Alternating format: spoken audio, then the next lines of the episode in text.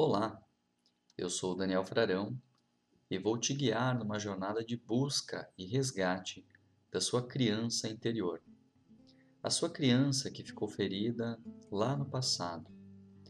O objetivo dessa hipnose é curar as suas dores, as suas feridas e potencializar os seus recursos, os seus talentos e habilidades. Antes de iniciarmos, procure um lugar calmo aonde você se sinta seguro, tranquilo e confortável. Assegure-se também de que ninguém vai interromper você nos próximos minutos. O ideal é que você permaneça sentado, sentada, para que você possa ativar as suas memórias e acessar as informações do seu inconsciente. O ideal é que você fique com a coluna ereta, numa posição confortável. Apoie seus pés e firme-os no chão, sem esforço, de forma relaxada, de forma que seu quadril sustente o seu corpo sem pressionar nenhum dos seus músculos, sem fazer nenhum tipo de força. E também, se você não tiver o hábito de meditar ou de ouvir hipnoses como essa, sugiro que você coloque almofadas ou travesseiros para que você possa ficar ainda mais confortável. Se acomode então nessa posição. Use fones de ouvido para aproveitar melhor o seu momento. E vamos iniciar. A meditação, a hipnose de hoje refere-se ao período de gestação, ou também ao tema de rejeição. Isso é o que nós vamos trabalhar na hipnose de hoje. Todo e qualquer trauma de rejeição e também o seu período de gestação. Agora, sentado, eu quero que você permaneça de olhos abertos por mais alguns segundos. E no momento correto de relaxar, fechar os olhos e iniciar a sua jornada, eu vou avisar você.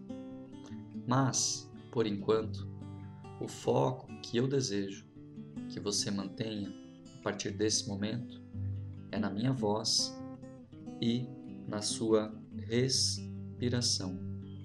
Permita-me acompanhar durante essa sua jornada para que você possa realmente levar essa profunda transformação para cada área da sua vida.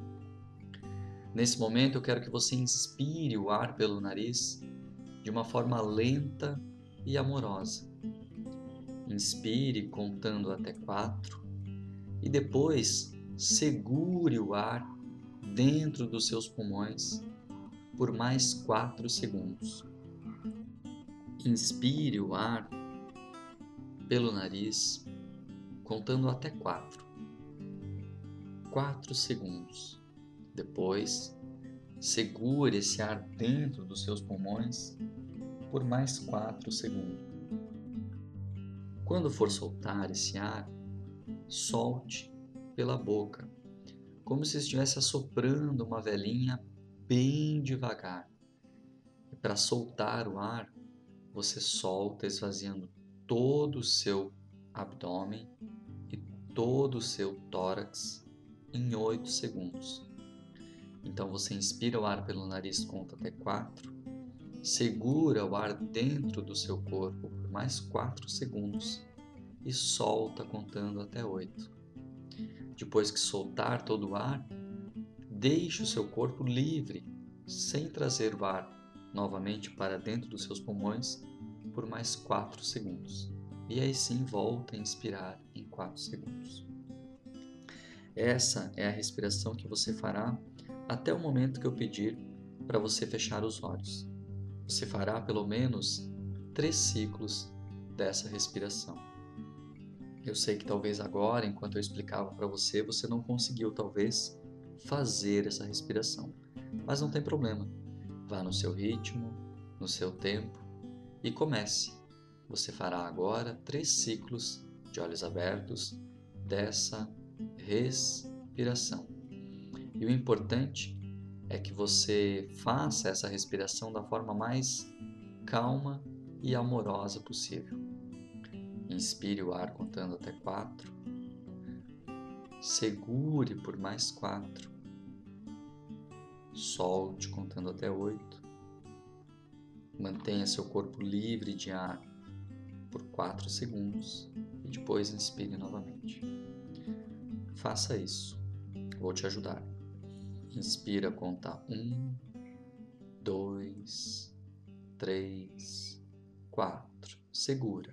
Um, dois, três, quatro. Agora solta em oito. Um, dois, três, quatro, cinco, seis, sete, oito. Sem trazer o ar por quatro segundos. Três, quatro. Agora sim, inspira, contando até quatro. Faça mais duas dessas respirações e quando terminar de fazer o terceiro ciclo dessa respiração, feche os seus olhos.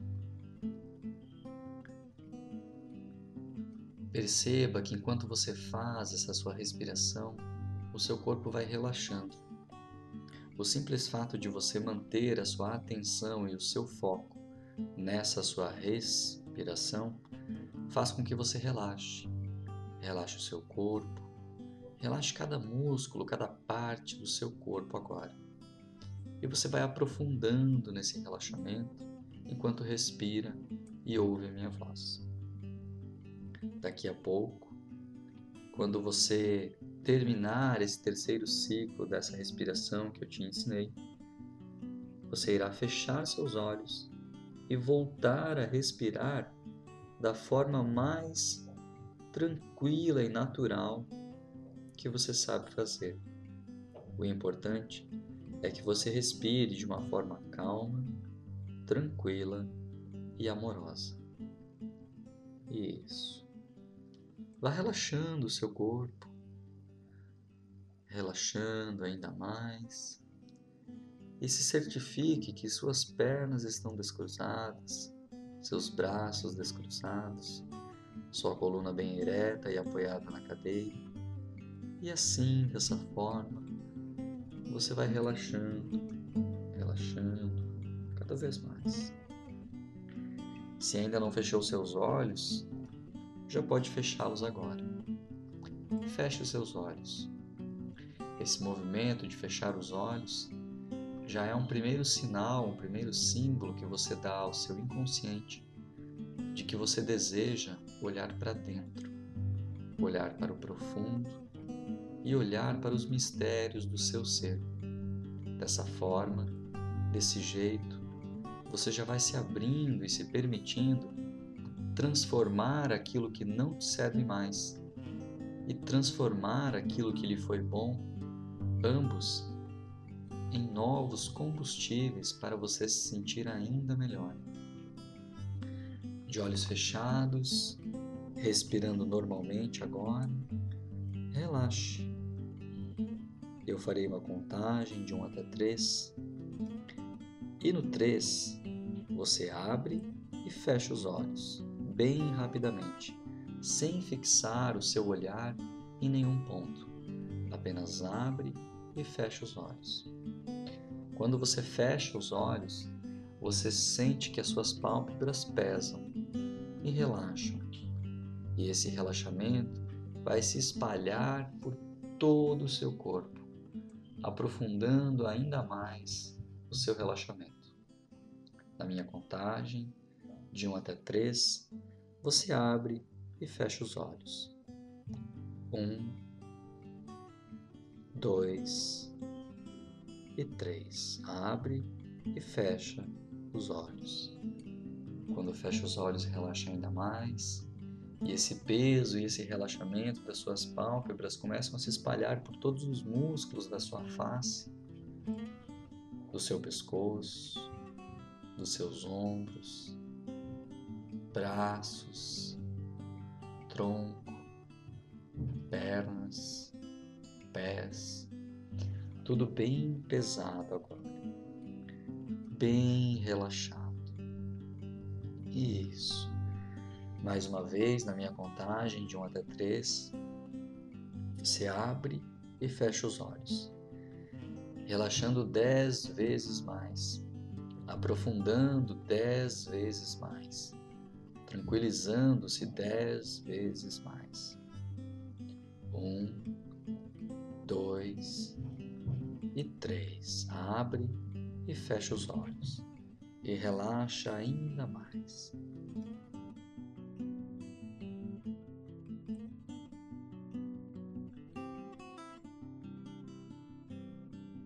Agora que você está bem relaxado e bem profundo,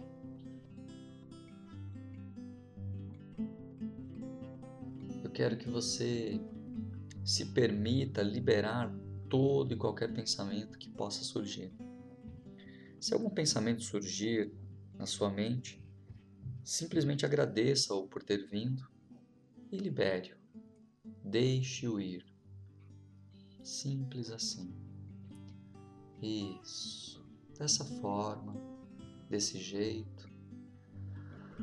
Ah, como é bom relaxar ainda mais e se permitir entrar nessa sua jornada de autoconhecimento e de cura interior. Todo o seu corpo bem relaxado agora. Eu farei mais uma contagem agora de 1 até 3, e sem precisar abrir os olhos, mantendo seus olhos fechados agora. Quando eu disser 3, você simplesmente aprofunda seu relaxamento em mais 10 vezes sentindo-se muito bem, sentindo um prazer, uma tranquilidade, uma segurança como nunca sentiu antes, sentindo-se muito bem. Um,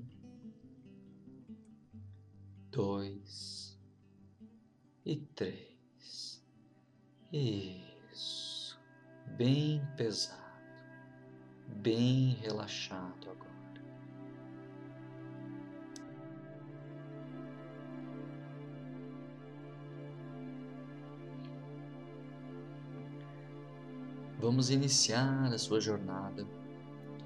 E para isso eu quero que você use o poder da sua imaginação. Imagine que você se depara com uma escada, uma escada que desce.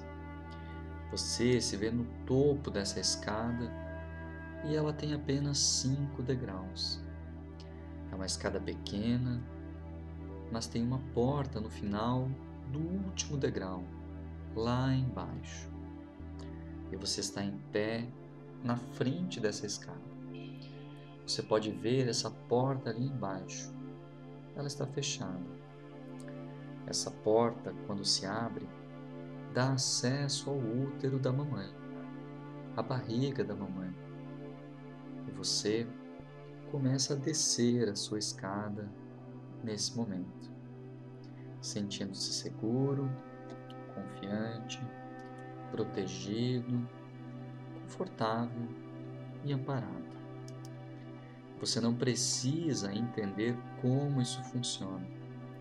A sua mente racional é que precisa de respostas e ela pode sair do controle por alguns instantes durante esse seu exercício. Afinal, você está totalmente seguro e pode seguir lentamente colocando uma perna de cada vez. Desça a escada, degrau por degrau. Isso mesmo, você está indo muito bem. Primeiro degrau, segundo degrau, sentindo-se cada vez mais confiante, mais protegido mais seguro, mais relaxado. Terceiro degrau, quarto degrau, quinto degrau. E agora, no quinto degrau, Você coloca a sua mão na maçaneta da porta e lentamente você abre a porta. E pela fresta, você já vê que ali é um lugar bastante iluminado, que te passa bastante segurança. Esse lugar é como se você estivesse em uma bolha de luz cor-de-rosa. E você abre então totalmente essa porta e se joga dentro dessa bolha de luz cor-de-rosa. Entre agora, jogue-se lá dentro, mergulhe, mergulhe, mergulhe. Isso. E agora você está dentro da barriga da mamãe, do útero da mamãe. Preste atenção em tudo que você sente a partir desse momento. Mesmo que te pareça a imaginação, vá sentindo. Como você imagina que é esse lugar? Você imagina que ele é quente ou você imagina que ele é frio? Você imagina que ele é claro ou ele é escuro? Você se sente seguro ou você tem medo? Você se sente amado ou você se sente rejeitado? Vá prestando atenção nas sensações que esse lugar te trazem. Vá prestando atenção nas sensações que esse lugar te traz e vá mergulhando, vá se movimentando aí dentro. Se mova nesse lugar, sentindo cada detalhe, cada sensação. Explore os espaços que você tem aí. A primeira informação que vier será a correta para você acessar. Essa será a sua resposta e está tudo bem. Observe se o momento é feliz ou se o momento é angustiado, angustiante, se a mamãe está triste, ansiosa, com medo ou radiante. Como está a mamãe? O que a mamãe está sentindo? E o papai? O papai está presente ou está afastado? O que o papai está sentindo? Ele está feliz com a sua presença aí dentro? Ele já te ama? Ou você não se sente amado pelo papai? Continua se movendo nesse lugar e vai prestando atenção. Como você acha que está o vovô e a vovó? O tio e a titia? Você tem irmãos? Como eles estão em relação à sua presença? Como as pessoas do seu convívio se sentem? Como você acha que as pessoas do seu convívio se sentem? Vai imaginando o que essas pessoas estão sentindo, o que elas estão percebendo, o que elas estão falando. Imagine. Você consegue imaginar. Você está pronto para sair daí ou você prefere ficar aí dentro? Te parece que o mundo lá fora é melhor ou o mundo aí dentro é mais seguro? O que você o que você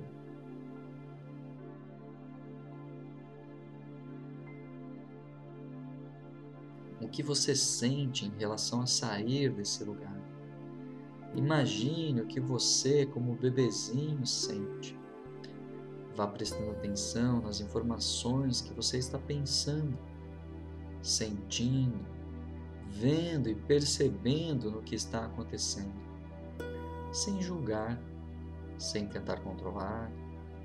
Apenas vá se envolvendo e sentindo cada vez mais, relaxando cada vez mais. Você tem dentro de você a coragem e sente-se seguro nesse momento para sentir e perceber seu momento? O que está acontecendo aí? Como é esse lugar? Como você se sente?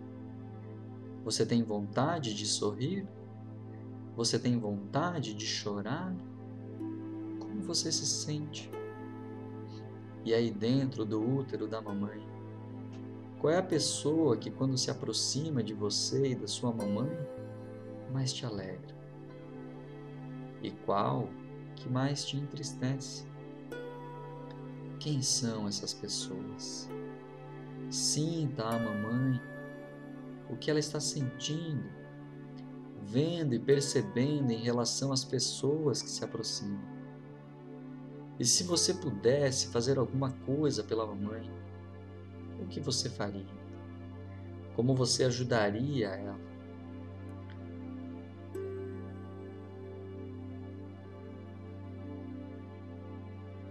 Perceba novamente se esse lugar está frio ou se está quente se está claro ou se está escuro. E se você fosse um herói ou uma heroína, que superpoderes você usaria para resolver a vida da mamãe? Ou a vida do papai? Ou de alguém que você percebe que pode ajudar a resolver? Quem é essa pessoa? E o que você faria por essa pessoa como um super-herói ou como uma super-heroína? Que soluções você traria para essa pessoa? Você faria isso por amor? Você faria isso por culpa? Ou por uma responsabilidade que você acabou assumindo? O que mais você sente que está acontecendo aí dentro? Como você se sente? Imagine agora que você vai voltar para aquela porta. Você vai sair desse lugar e você volta pela mesma porta que você entrou. Saindo desse útero, saindo dessa barriga, você abre essa porta e volta a ser quem você é.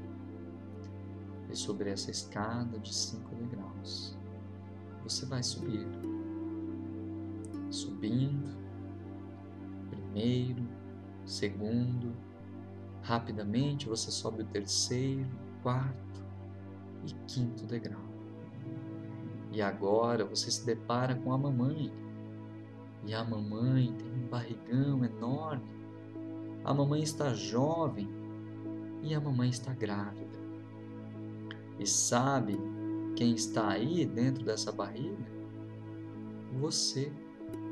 Você, quando bebezinho, na sua frente, dentro da barriga da mamãe, olhe para a mamãe e perceba como ela se sente.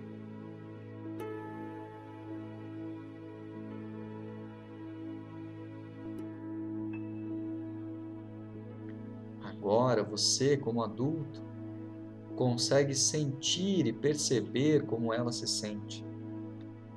Olhe para o rosto dela. Perceba e sinta quais as emoções ela carrega. São as mesmas que você sentiu e percebeu quando estava lá dentro? É igual? É diferente? Coloque suas mãos na barriga da mamãe. É você quem está ali dentro. Ali dentro desse barrigão. Agora, do lado de fora, perceba como você se sente ali dentro, como o bebezinho que sente. Como esse bebezinho se sente? Imagine que você pode colocar as suas mãos dentro da barriga da mamãe, sem entender como isso funciona, mas sentindo essa energia acontecendo e com as suas mãos você pode tocar esse bebezinho que está ali. Traga segurança para ele. Chame esse bebezinho pelo nome. É você. É o seu nome. Diga para esse bebezinho que você o protege e que por algum motivo, se ele não se sentiu amado suficientemente, você entrega amor para ele agora. Se por algum motivo ele sentiu rejeição, agora você pode tirar isso dele. Segure ele com suas mãos amorosas, quentinhas. Aproxime suas mãos dentro da barriga da mamãe e vá levando as suas mãos para bem perto do coraçãozinho desse bebê, tirando as dores de dentro desse coração dele, curando esse bebezinho, preenchendo o coraçãozinho e o corpinho dele com amor, com segurança. Esse bebezinho passa a se sentir amado, seguro e aceito. Esse bebezinho sente e sorri que sempre foi desejado, esperado e amado. Observe como a mamãe e o papai se sentem com esse momento e como esse bebezinho se sente nesse momento. Observe o que você vê, sente e percebe dessa realidade. Sinta esse amor pela mamãe e esse amor pelo papai que começa a envolver vocês, vocês todos. Sinta isso. O coraçãozinho desse bebê está se aquecendo ainda mais. Isso. Sinta isso. E nesse momento você percebe o verdadeiro amor da mamãe do papai e de todas as outras pessoas que estavam esperando, felizes pela vinda desse lindo bebezinho. Isso. Nesse momento você sente esse amor pela mamãe, pelo papai. E você sente de alguma forma que consegue liberar também um profundo perdão. Um perdão à mamãe e ao papai e a todas as pessoas que estavam ansiosas pela sua vinda.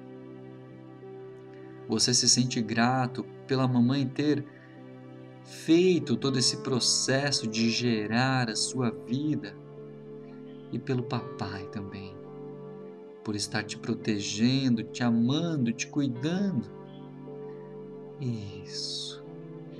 E você vai sentindo esse bebezinho se sentindo muito amado muito querido. Isso. Retire suas mãos de dentro da barriga da mamãe. Esse bebezinho está sorrindo lá dentro, sentindo amor, sentindo-se quentinho e protegido. E esse bebê está pronto para vir para a vida. E são essas as lembranças que você guardará consciente dentro do seu coração esse bebezinho, esse coração desse bebezinho está em ressonância com o seu coração. E você sente o mesmo amor, a mesma gratidão e o mesmo perdão que esse bebezinho sente nesse coraçãozinho dele, você sente no seu. Sentindo-se muito bem. E é com essa sensação, é com esse prazer, com essa revolução que aconteceu dentro de você, com esses novos significados, que lentamente nós vamos voltar para o aqui e agora, trazendo consigo toda essa sua transformação, toda essa sua nova vibração e energia. Isso. Preste atenção. Eu vou trazer você de volta para o aqui e agora, sentindo-se muito melhor do que antes, com toda essa sua estrutura ressignificada. E o seu inconsciente saberá que é possível sentir-se livre das dores, livre das tristezas, das raivas, dos medos. E a partir de hoje só há espaço para a alegria e para o amor em seu coração. Em relação a tudo isso que você vivenciou nessa sua meditação de hoje.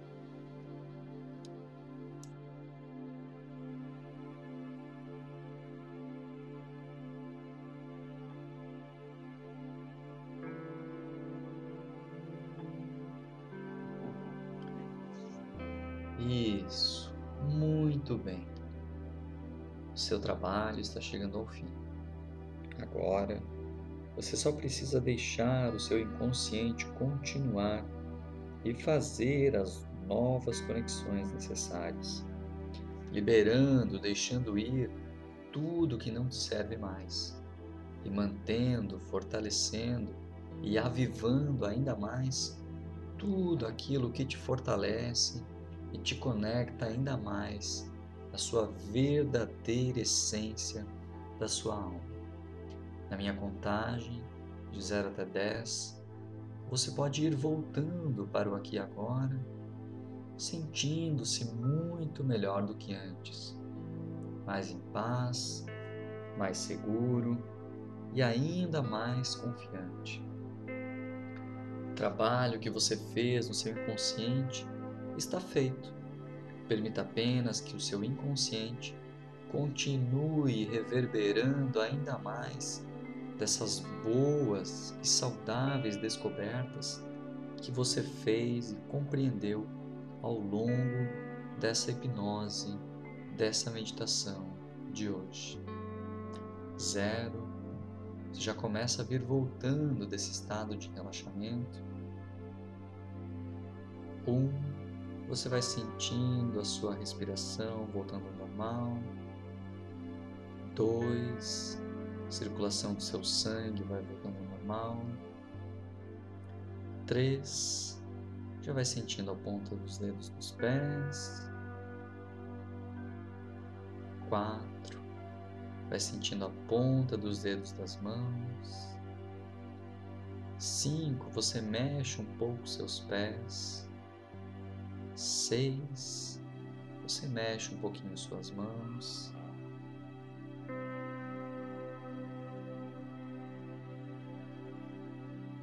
Sete, mexendo suas pernas, braços bem lentamente. Oito, pode abrir os olhos. Nove, sentindo-se muito melhor do que antes, mais em paz, seguro, tranquilo. E dez, totalmente desperto, sorrindo para a vida e aproveitando o dia maravilhoso que você tem pela frente.